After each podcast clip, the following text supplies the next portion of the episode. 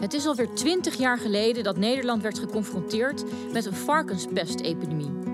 Daarbij kreeg Nederland in het kader van de Europese regelgeving de opdracht om fosfaatrechten uit de markt te halen. De Rijksoverheid bedacht een opkoopregeling waarbij de agrariërs geld ontvingen voor bedrijfsbeëindiging. In Brabant was de opgave dermate groot en de mogelijkheden in het buitengebied dermate beperkt dat besloten werd agrariërs te helpen met geld. Geld voor het bouwrecht, waarmee de agrariër zijn stal kon slopen.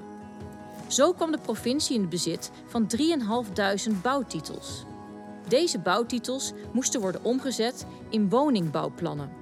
Dat kon op een andere, planologisch betere plek in Brabant. De provincie en gemeente sloten daarop een convenant, waarin ze afspraken een ontwikkelbedrijf op te richten. Dat woningbouwplannen zou gaan ontwikkelen met de bouwtitels en zo de betaalde rekening terug te verdienen. Dit werd ontwikkelingsmaatschappij Ruimte voor Ruimte. In 2021 bestaat Ruimte voor Ruimte 20 jaar. Een reden om samen met mensen die nauw betrokken zijn bij Ruimte voor Ruimte het gesprek te voeren over 20 jaar Ruimte voor Ruimte, de problematiek, de successen en de toekomst. Ik ben Laurien Verstraten en vandaag heb ik een gesprek met Wim van de Kerkhof, directeur van Ruimte voor Ruimte, en Erik Ronnes, gedeputeerde van de provincie Noord-Brabant met de portefeuille Ruimte en Wonen. Wim en Erik, welkom. Wim, om bij jou te beginnen, je bent directeur van Ruimte voor Ruimte. Uh, hoe lang doe je dat al en hoe ben je er terecht gekomen? Ik doe dit uh, vier jaar. Ik ben uh, februari 2017 begonnen. Eigenlijk op het moment dat de provincie het 100% aandeelhouderschap van dit bedrijfje kreeg. Aandeelhouderschap? Aandeelhouderschap. Erik, vertel eens, hoe zit dat? Ja, nou, uh, voor 2017 uh, een gemengd eigendom zeg maar, van, uh, van de, de, ontwikkelmaatschappij. Wat in 2017 voor gekozen is dat we als provincie 100% aandeelhouder zijn geworden. En daarmee ook zeg maar, een, een nieuw startpunt gemarkeerd hebben, een tussenstartpunt. Om de doorstart van, van de ruimte voor ruimteregeling anno 2017 nieuw vorm te geven nieuwe vorm. Dus er werd meteen uh, werd je in diepe gegooid. Nou, het was uh, de, de, opdracht die ik meekreeg om het bedrijf uh, te vernieuwen en eigen tijds te maken. Want het bedrijf bestaat dit jaar 20 jaar. Maar dat betekent dat het bedrijf op dat moment al 17 jaar bestond. En de oorspronkelijke opdracht waarmee het bedrijf gestart was, die was, laten we zeggen, gedateerd. Ja, want wat is die oorspronkelijke opdracht? Ruimte voor ruimte, 20 jaar geleden. Ik weet niet of je de televisiebeelden voor je kunt halen, maar toen had je die grijpers die varkens afvoerden bij varkensbedrijven. Uh, dus die varkenspest die rondwaarden. En er was sprake van dat er in Nederland te veel fosfaatuitstoot was als je dat vergelijkt met andere Europese landen. En toen bedacht de overheid eigenlijk twee regelingen. De eerste regeling was een subsidieregeling van het Rijk voor boeren om met hun bedrijf te stoppen. Eigenlijk nu weer heel actueel. En de tweede regeling was een zorg dat als die bedrijfsbeëindiging tot stand was gebracht, dan stond er in het buitengebied nog wel een leegstaande stal. En daar lagen ook nog mestrechten op. En men was er beducht voor dat eh, na verloop van tijd die schuur of die stal weer opnieuw ingevuld zou worden. En toen bedacht men, omdat er tegelijkertijd ook sprake was van woningbouwbehoeften, ook heel eigentijds nu, om zeg maar voor elke stal, elke duizend vierkante meter stal die gesloopt werd en bijbehorende inlevering van mestrechten, dat daarvoor in de plaats een bouwrecht ontstond. En dat bouwrecht dat moest dan nog wel langs planologische lijnen zeg maar, verzilverd worden. Maar daardoor is ook letterlijk de term ruimte, de ruimte van een stal, ingewisseld voor de ruimte van een woning. Ja, en dan zag je in die tijd, het had een enorme maatschappelijke impact hè, bij die boerengezinnen. Ja, letterlijk aan de keukentafel, eh, daar hoopten de problemen zich op, hè, want de, hele toekomst lag in duigen. Eh, maar daarmee zag je ook op het platteland dat het gewoon echt afbreuk deed aan het platteland op het moment dat je, ja, dat je daar stallen had staan die echt uh, ja, niet meer aanzien van de toekomst waren, dat de kwaliteit van het buitengebied daarmee verloren ging. Dus er was een enorme maatschappelijke behoefte, druk ook, dat de overheid zich ook wel ging bekommeren om een, eh, te zorgen dat die kwaliteit in dat buitengebied uh, op een goede manier weer gestalte kreeg. En daarbij dat die opgave van die, van die woningbouw, dat het ook op een goede manier gebeurde. Want dat was in die tijd, uh, we hebben in 2008, 2009 de woningcrisis gehad. Maar daarvoor was ook grote behoefte aan woningbouw. Het verschil met toen en nu is is dat het, type, het vraag naar het type woning wat anders is. Maar er zit wel wat vergelijking tussen het toen en het nu. Oh, wat dan? Uh, nou ja, wat je, wat je zag was dat de behoefte aan woningen erg groot was. ook op het platteland. Maar dat je ook wel de, de spanning hebt van het ruimtegebruik. Dat je niet overal maar uh, kunt, kunt beginnen met een woning uh, maken. Want je wilt ook die kwaliteit van dat, van dat ruimtelijk gebied, hè, dus, dus het platteland, het, het groen, wil je intact laten. En met dit middel in handen kon je op een hele gedoseerde manier die transitie maken van weg met de stallen die, uh, die, ja, die dreigen te verkrotten, uh, maar wel toekomstgericht uh, voldoen aan die maatschappelijke behoeften. Ja, en jij bent gedeputeerde, Erik, voor de provincie Brabant met de portefeuille Ruimte en Wonen. Um, wat is nu jouw verhouding tot ruimte voor ruimte? Ja, die gaat al ver terug. Want uh, ik ben natuurlijk ook uh, in, mijn, in mijn werkzame leven ben ik ook al lokaal bestuurder geweest. Daar zat ik eigenlijk ook vanuit de gemeentelijke rol. Kwam ik in aanraking met ruimte voor ruimte. En wat je zag is dat ruimte voor ruimte echt een positie in probeert te nemen in die maatschappelijke opgaves die daar liggen. En uh, met, met, met de verandering in 2017 zie je ook echt dat, ja, wat dat betreft, ook het, blikveld wat breder is geworden. Van nou, wat speelt er nou allemaal in die maatschappij, in die ruimtelijke opgaves? En hoe kunnen we het instrument zo laten werken dat uh, het nog steeds die, die, die doelstellingen volbrengt? Want uiteindelijk, destijds is er een keuze gemaakt om die stallen te slopen. Daar zijn destijds kosten voor gemaakt. En die zullen uiteindelijk terugverdiend moeten worden met het programma van Ruimte voor Ruimte. Maar tegen hoe kun je dat nou, uh, die, die opgave nu realiseren? Door dat te doen met de maatschappelijke opgaves van nu. En ik denk dat daar nu uh, hard over nagedacht wordt om te kijken hoe dat, dat nog meer en nog beter kan gebeuren. Hoe gaat het nou in de praktijk in zijn werk? Wat moet ik me voorstellen bij de organisatie Ruimte voor Ruimte? Ja, wat je, wat je ziet is dat nu toch ook wel de, vooral de, de vraag begint bij dat er op een plek waarin je uh, waarin je zeg maar, in het buitengebied een, uh, een, een, woning wil gerealiseerd worden, dat, dat dat natuurlijk niet zomaar kan. Nou, ruimte voor ruimte biedt het instrument om dat wel mogelijk te maken. En het begint meestal bij de vraag van een ondernemer of een, of een burger die met een woning wil beginnen. Um, en dan is de gemeente aanzet om ook te zorgen dat uh, ruimte voor ruimte als organisatie erbij gehaald wordt. Om te kijken van hoe kun je dat faciliteren. En Wim kan als geen ander vertellen met een heel mooi voorbeeld uh, hoe dat, dat in zijn werk gaat. Ja, moet dat niet aan bepaalde eisen voldoen eerst... voordat een, een, een, plan tot uitvoer kan worden gebracht? Hoe gaat dat? Ja, zeker. Wij zijn gehouden aan goede ruimtelijke ordeningsregels. En de transitie die we de laatste jaren doorgemaakt hebben... is in de eerste 16 jaar deden we veel woningbouw in hele kleine clusters in het buitengebied.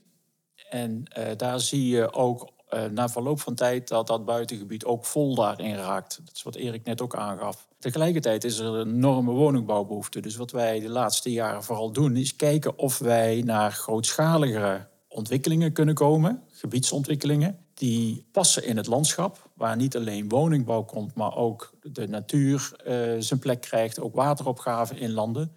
En uh, wij proberen daarin ook andere woningbouwtypologieën dan alleen de grote vrije sectorkavels tot stand te brengen met die transitie, met die eigen tijdsheid, als je vraagt hoe gaat dat nu, daar stappen wij mee naar gemeenten. Gemeenten zijn de eerst verantwoordelijke in hun gebied op goede planologie. Ja. En wij leggen uh, onze nieuwe propositie voor en wij spreken met de gemeente de mogelijkheden door voor het leveren van een bijdrage aan woningbouw. En wat merk je dan? Dat ze ook vaak met bepaalde problemen komen binnen de gemeente. Van, kan je dit dan misschien ook oplossen? Ja, omdat wij um, eigenlijk een transitie doorgemaakt hebben en dat het eigenlijk een publiek orgaan is geworden, ruimte voor ruimte, zijn wij onderscheidend ten opzichte van een reguliere commerciële ontwikkelaar. Wij werken vooral in het belang van publieke zaken. Dus wij proberen de opgave die wij doen te koppelen aan maatschappelijke vraagstukken. En dat betekent dat als wij geld zouden verdienen op een ontwikkeling, wij proberen onze sloopafdrachten daarmee te betalen, maar wij proberen daarmee ook andere vraagstukken die bij de provincie of bij de gemeente liggen, mee te financieren. Kan je daar een aantal voorbeelden van noemen? Ja, um, je kunt bijvoorbeeld uh, je voorstellen, op dit moment is er provinciaal als belangrijk, uh, belangrijk aandachtsveld zijn alle vakantieparken in het buitengebied. En met name met name die vakantieparken waar uh, sprake is van ondermijning of criminaliteit en dergelijke. Daar ligt een belangrijk veiligheidsissue. En er wordt gekeken naar die vakantieparken die ook aan het verpauperen zijn. Moeten we daar de bedrijven continueren of moeten we daar afscheid van nemen? En welke instrumenten hebben we om dat soort vakantieparken dan terug te dringen of op te kopen. Nou, daar, daar werken wij aan mee door uh, uh, soms campings of vakantieparken te kopen. De eigenaar daarmee uit te kopen, als het ware. En vaak zie je dat op die plek zelf dan geen woningbouw gerealiseerd kan worden. want wij moeten de opkoop, dus de financiering, betalen met woningbouwontwikkeling. Maar omdat die maatschappelijk relevant is, praten wij met de gemeente naar waar zou je volgens goede uh, ruimtelijke ordeningsregels dan wel woningbouw willen. En dat betekent dat op een andere plek in de gemeente er woningbouw tot stand gebracht kan worden. En die hefboom van woningbouwontwikkeling, geld verdienen en maatschappelijke vraagstukken oplossen, dat is wat wij nu doen. Nou, dat zie je bij campings, vakantieparken. Je ziet het in die koppeling in het helpen op dit moment opnieuw met uh, agrariërs die uh, met hun bedrijf willen uh, stoppen. Mm -hmm. Of leegstaand, le leeg vastgoed in het buitengebied. En je ziet ons ook acteren op binnenstedelijke herstructurering. Dus er is sprake van een leegstaand winkelcentrum of een leegstaand kantoor. Dat is al jarenlang dat het leeg staat, dat die plek verpaupert. De gemeente zou daar de ambitie hebben om bijvoorbeeld er een sociaal huurcomplex van te maken. Maar de eigenaar vraagt te veel of de ontwikkelaar ziet er vanaf. En daar zit vaak een financieel verschil tussen. En wij proberen door op een andere plek woningbouw te creëren, geld te genereren, waarbij wij het verschil tussen vraag en aanbod bij elkaar kunnen brengen en daarmee die binnenstedelijke herstructurering, weliswaar door een ontwikkelaar, een andere partij, mee te helpen eh, tot stand te komen. Hoe ziet de komende twintig jaar eruit voor ruimte voor ruimte? Die voorbeelden die ik net noemde, dat, dat klinkt vrij abstract, maar dat passen we op dit moment gewoon toe in die gemeentes als Oorschot en in Laarbeek en in Sint-Antunus en in Oosterwijk. Dus een groot aantal gemeentes die weten ons te vinden. Wat ik heel belangrijk vind, is dat wij daarmee van een commercieel ontwikkelaarschap transformeren naar een maatschappelijke ontwikkelaar. De ontwikkelingen ten dienste van het maatschappelijk belang. Dus de komende twintig jaar, zover vooruit kan ik niet kijken, maar eh, laten we zeggen, als je de komende vijf tot acht jaar kijkt, dan, uh, dan is ons perspectief dat wij dit veel verder gaan uitbouwen. En daarin hebben wij, denk ik, ook een unieke positie in het landschap van ontwikkelaars. Wat je op dit moment ziet, is dat wij daarmee ook een interessante partij zijn voor commerciële partijen, voor ontwikkelaars of voor bouwers, omdat wij uh, dat maatschappelijke kunnen toevoegen aan ontwikkelingen die zij zelf voor ogen hebben. Dus ik denk dat wij in een soort positie zitten die wij veel verder kunnen uitbouwen de komende jaren. Waarbij wij het publieke doel nog veel meer kunnen uh, bedienen. Ja, heb je zelf een aantal voorbeelden nog, Erik, waar je erg trots op bent van wat jullie afgelopen periode uh, gerealiseerd hebben? Het is vooral ook de gemeentes die dit doen samen met, met Ruimte voor Ruimte. We maken het mogelijk, hè. als aandeelhouder maak je mogelijk dat, dat, dat dit ook kan. Um, zie je bijvoorbeeld in Laarbeek zie je toch ook wel eens een, een stuk natuurherstel, beekherstel, wat onder andere opgepakt is. Uh, in Middelbeers hebben we de voormalige Jumbo-plek uh, zeg maar, her, heringericht uh, om, om, om daar ook gewoon toekomst aan zo'n locatie te geven. En hoe is dat zo gegaan? Zelfs bij Sint-Antonis, waar het gaat om een, om een agrarisch bedrijf wat, ja, wat eigenlijk zijn activiteiten beëindigt uh, waarin je eigenlijk uh, zou willen dat je dan ook de spullen netjes opruimt, kan eigenlijk de ruimte voor ruimte die oorspronkelijk bedoeld was voor stallen vroeger af te breken, dat zelfs dat nu nog doorwerkt in het opruimen van stallen. En dat vind ik ook wel een heel mooi voorbeeld om, de, om, om eruit te pakken. Dat je ziet dat dat, dat het mes van, van ruimte voor ruimte op meerdere, op meerdere momenten hergebruikt kan worden en ook opnieuw kan worden ingezet. Kan je iets vertellen, Wim, over wat er zoal afgelopen 20 jaar gerealiseerd is? En hoeveel projecten moet ik ongeveer aan denken? Nou, onze opgave is dat wij een eh, kleine 3000 uh, eh, vrije sectorkavels ontwikkelen, realiseren en verkopen. Um, en wij hebben op dit moment 2000 van die vrije sectorkavels uh, gerealiseerd. Dat hebben we over heel Brabant. Dat is ook het interessante van die hele ruimte-voor-ruimte-regeling. Het kan zijn dat destijds een stal op de ene plek gesloopt is en dat de woning op een heel andere plek in dus Brabant... Dus niet op diezelfde plek te zijn? Het hoeft helemaal niet op dezelfde plek te zijn. En wat je dus nu ziet, vanuit, vanuit die goede ruimtelijke ordeningen... zijn er plekken in het landschap uh, waar die ruimte-voor-ruimte-kavels uh, gerealiseerd zijn. En dat is een uh, Brabant breed dekkend palet aan projecten... En mijn inschatting is dat wij uh, toch zeker honderd van dat soort type projecten gedaan hebben. En daar zitten een, een enkele grote uh, zit daarbij. Maar over het algemeen zijn het projecten van uh, 10, 20 uh, kavels. Nou, een paar uitschieters. We hebben in, in Tilburg, tussen Tilburg en Berkelenschot, een grote villa-wijk gerealiseerd van 165 ruimte-voor-ruimte kavels, vrije sectorkavels. En dat was destijds een hele specifieke wens van de gemeente Tilburg. Tilburg is een industriestad. Mm En zij wilden heel graag in het segment, in het hogere segment, woningbouw bieden aan uh, mensen die dat uh, zich konden uh, veroorloven, omdat dat verhoudingsgewijs juist in die regio heel beperkt aanwezig was. Dat zie je ook, we hebben die 165 kabels afgelopen jaren ontwikkeld en verkocht. En tot onze grote verrassing was dat binnen twee jaar volledig uitverkocht.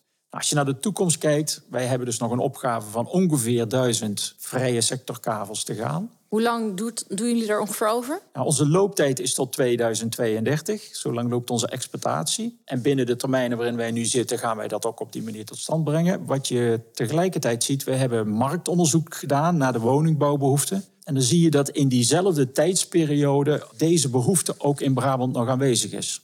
Ehm, dus daar zit een soort, misschien is het toeval, maar dat, zit, dat sluit wel op elkaar aan. Dus wij kunnen die markt blijven bedienen. Wat ik net al zei, wij zijn vooral op dit moment ook bezig om de transformatie te maken naar urgente woningbouwvraagstukken die er nu liggen. Die andere doelgroep blijven wij ondertussen wel bedienen. Uh, en dat is voor particuliere bouw. Dus mensen konden daar zelf hun woning dan op realiseren. En daar is een, een markt voor en die markt is er nog steeds.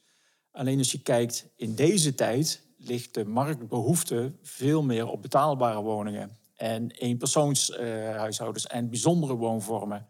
Uh, en dat is een product wat ver afstaat van ruimte voor ruimte als basis.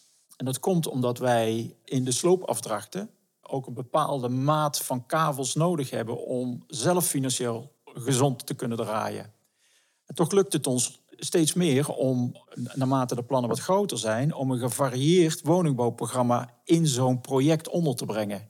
Dus we hebben nu projecten waarin wij woonzorgcomplexen hebben zitten, waarin sociale woningbouw zit, waarin twee kappers zitten en waarin ook nog een aantal ruimte-voor-ruimtekavels zitten. Maar daarmee maken wij ook in de transitie, proberen wij aan te sluiten bij de actualiteit van de woningbouwmarkt, zeg maar. Waar is nu behoefte aan? Ja. Dat is een spannende puzzel overigens. Dat lijkt me ook. Maar dit past weer heel goed bij, bij, bij de lijn die wij ook op, op het totale woningbouwbeleid voeren. Is dat, uh, dat je ziet dat er gewoon op dit moment ook een grote mismatch zit in het aanbod uh, en in de vraag.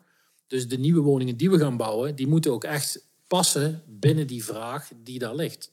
En dat zijn niet meer de traditionele grote bungalows met duizend of soms wel 2000 meter uh, grond, want die, die kennen we ook, die voorbeelden. Ja het is, het, is, het is er nog wel de vraag, maar niet meer in die mate zoals we dat vroeger uh, kenden. En ja, het zou mij gewoon ook wat waard zijn dat, dat gewoon ruimte voor ruimte zelf ook gewoon eens goed kijkt van... Ja, hoe kunnen we nog meer scherper op die vraag gaan zitten? Hoe kunnen we nog meer uh, uh, die ruimte pakken, zeg maar, om te kijken hoe kunnen we een steentje bijdragen aan die grote behoefte aan kleinere en betaalbare woningen. En hoe zou dat nog meer gerealiseerd kunnen worden dan? Ik denk dat Kijk, ruimte voor ruimte kent toch nog dat beeld van de grote vrijstaande kavels. Bij heel veel mensen is dat beeld er nog dat het, als het om ruimte voor ruimte gaat, dat het dan een hele grote vrijstaande bungalow is. Terwijl uh, uh, dat nieuwe aspect wat we net toegelicht hebben, dat is nog te weinig bekend. En volgens mij eh, helpt het heel erg, deze podcast zal er ongetwijfeld ook aan bijdragen, dat het gesprek gevoerd wordt van, hey, dit instrument is er. Hoe kunnen we dat nou ook gewoon inzetten? Gemeentes, maar ook gewoon burgers zelf die met een opgave zitten. Hè? Dus een, bijvoorbeeld een agrarische locatie. Denk gewoon eens van, wat zouden nou die mogelijkheden zijn? Zet ze eens op een rij. De conclusie zijn, kan zijn dat het op een bepaalde plek niet past. Maar er zullen ongetwijfeld kansen bij zitten waar het wel past. En volgens mij is dat de uitdaging ook voor de komende tijd. We hebben in Brabant een landschap waarin uh, elke vierkante meter zorgvuldig afgewogen moet worden. Wat gaan we daar doen? En er spelen veel belangen natuurverenigingen, waterschappen, eh, gemeentes, provincie. Eh, de mensen die daar in de buurt wonen. Dus dat, en dat concentreert zich op een hele. En ik denk dat dat in Brabant, het landschap van Brabant daar. Daar zie je dat bij uitstek terug. Dan zie je hier veel meer een verwevenheid tussen natuur, landbouw, ehm, eh, woningbouw. Dat is hier veel intensiever allemaal. dan dat je bijvoorbeeld in het oosten van het land bent. De druk op diezelfde vierkante meter maakt dat je veel zorgvuldiger moet afwegen wat willen we hier nu feitelijk. Nou, daar hebben we goede ruimtelijke ordeningsregels voor. Die gelden voor iedereen en die gelden daarmee ook voor ruimte voor ruimte. Die maken het heel complex. Die maken ook dat we er heel veel tijd met elkaar in kwijt zijn voordat je van een idee tot een ontwikkeling bent. Ja, hoe lang moet ik aan denken? Nou, in Nederland, er is ooit een onderzoek gedaan naar de concurrentiekracht van Nederland in relatie tot andere Europese landen. En dan zie je dat in Nederland we gemiddeld uh, zeven jaar doen om van een idee tot een ontwikkeling te komen. En dat zie je nu ook terug. Er is een enorme behoefte aan woningbouw. En tegelijkertijd er ligt een behoorlijke plancapaciteit op de planken. En ik denk dat buiten het feit dat je die toepassing van ruimte voor ruimte, en dat is iets waar wij ons als provincie erg druk op maken op dit moment, is de versnelling van die woningbouwprocessen. Dat we echt sneller willen gaan werken, eh, dat we gemeentes willen faciliteren daarin, dat we mee willen denken om te voorkomen dat gedurende trajecten allerlei vertragingen ontstaan. Uh, want ja, die woningnood die er is, die is ook voelbaar in vele delen van Brabant. En of dat je het nou hebt over de grote stad of in sommige kleine dorpen, eh, er zijn er gewoon waar het echt helemaal vast zit. Dat is ook wat ik probeer te doen vanuit mijn rol als gedeputeerde. Er zijn een aantal overleggen die je ook gewoon met gemeentes hebt, waarin je probeert ook het instrument van ruimte voor ruimte als een, als een asset te zien, waarbij je gewoon een toegevoegde waarde hebt in, in, de, in, in, in de realisatie van die opgaves die die gemeentes hebben. Uh, ja, uh, tel het. Hè? Dus vertel je verhaal en, en laat zien wat je in huis hebt. En dat is ook mijn, mijn boodschap richting ruimte voor ruimte. Uh, laten, we, ja, laten we, maar laat vooral ook ruimte voor ruimte, uh, het verhaal vertellen van waar ze toe in staat zijn binnen de randvoorwaarden die we met elkaar hebben, hebben afgesproken. maatschappelijke of ruimtelijke knelpunten, die gaan vaak gepaard met een, een financieringsvraag die nu speelt. Ik heb net uitgelegd, als wij aan boord komen en we gaan iets ontwikkelen en wij moeten geld genereren langs woningbouw, dat duurt vijf, zes, zeven jaar. Dat betekent dat wij pas geld verdienen over zes jaar. En de vraag is nu, hoe maak je daar een match mee? En wij hebben afgelopen jaar een product ontwikkeld waarbij wij als Ruimte voor Ruimte gemeenten faciliteren in hun geldvraag in ruil voor het doen van de ontwikkeling, waarbij wij als Ruimte voor Ruimte over vijf of zes jaar dat geld terugverdienen. En daarvoor hebben wij uh, ja, zogenaamde raamcontracten gesloten met gemeenten. Dat hebben we in Laarbeek, dat hebben we in Sint-Antunis. Uh, dit jaar, volgende maand, sluiten we hem in, uh, in Boekel. Volgende maand wordt die getekend in Oosterwijk. Meijerijstad heeft interesse getoond, Beran Hees heeft interesse getoond. Dus dat begint een, een vorm te krijgen. En klaarblijkelijk voldoet het aan een vraag die bij de gemeente op dit moment aan de orde is. En wij hebben dat zelf bedacht vorig jaar. En wij hebben de mogelijkheid om die financieringsvorm op die manier tot stand te brengen. Mooi. Dank jullie wel, heren. Ik vond het een uh, aangenaam gesprek. Ik wens jullie heel veel succes in de komende 20 jaar. Dankjewel. Dankjewel. Ruimte voor Samenspraak is gepubliceerd door Ruimte voor Ruimte. Ruimte voor maatschappelijke ontwikkelingen. Wilt u meer weten over Ruimte voor Ruimte en de mogelijkheden die het u kan bieden? Of bent u op zoek naar een landelijk gelegen bouwkavel? Neem dan contact op met Annemarie Vermaak. U vindt haar via ruimtevoorruimte.com. Dit was het eerste deel van de podcastserie over maatschappelijke ontwikkeling in Brabant. Abonneer u nu via uw favoriete podcastservice, zodat u niets hoeft te missen van deze serie.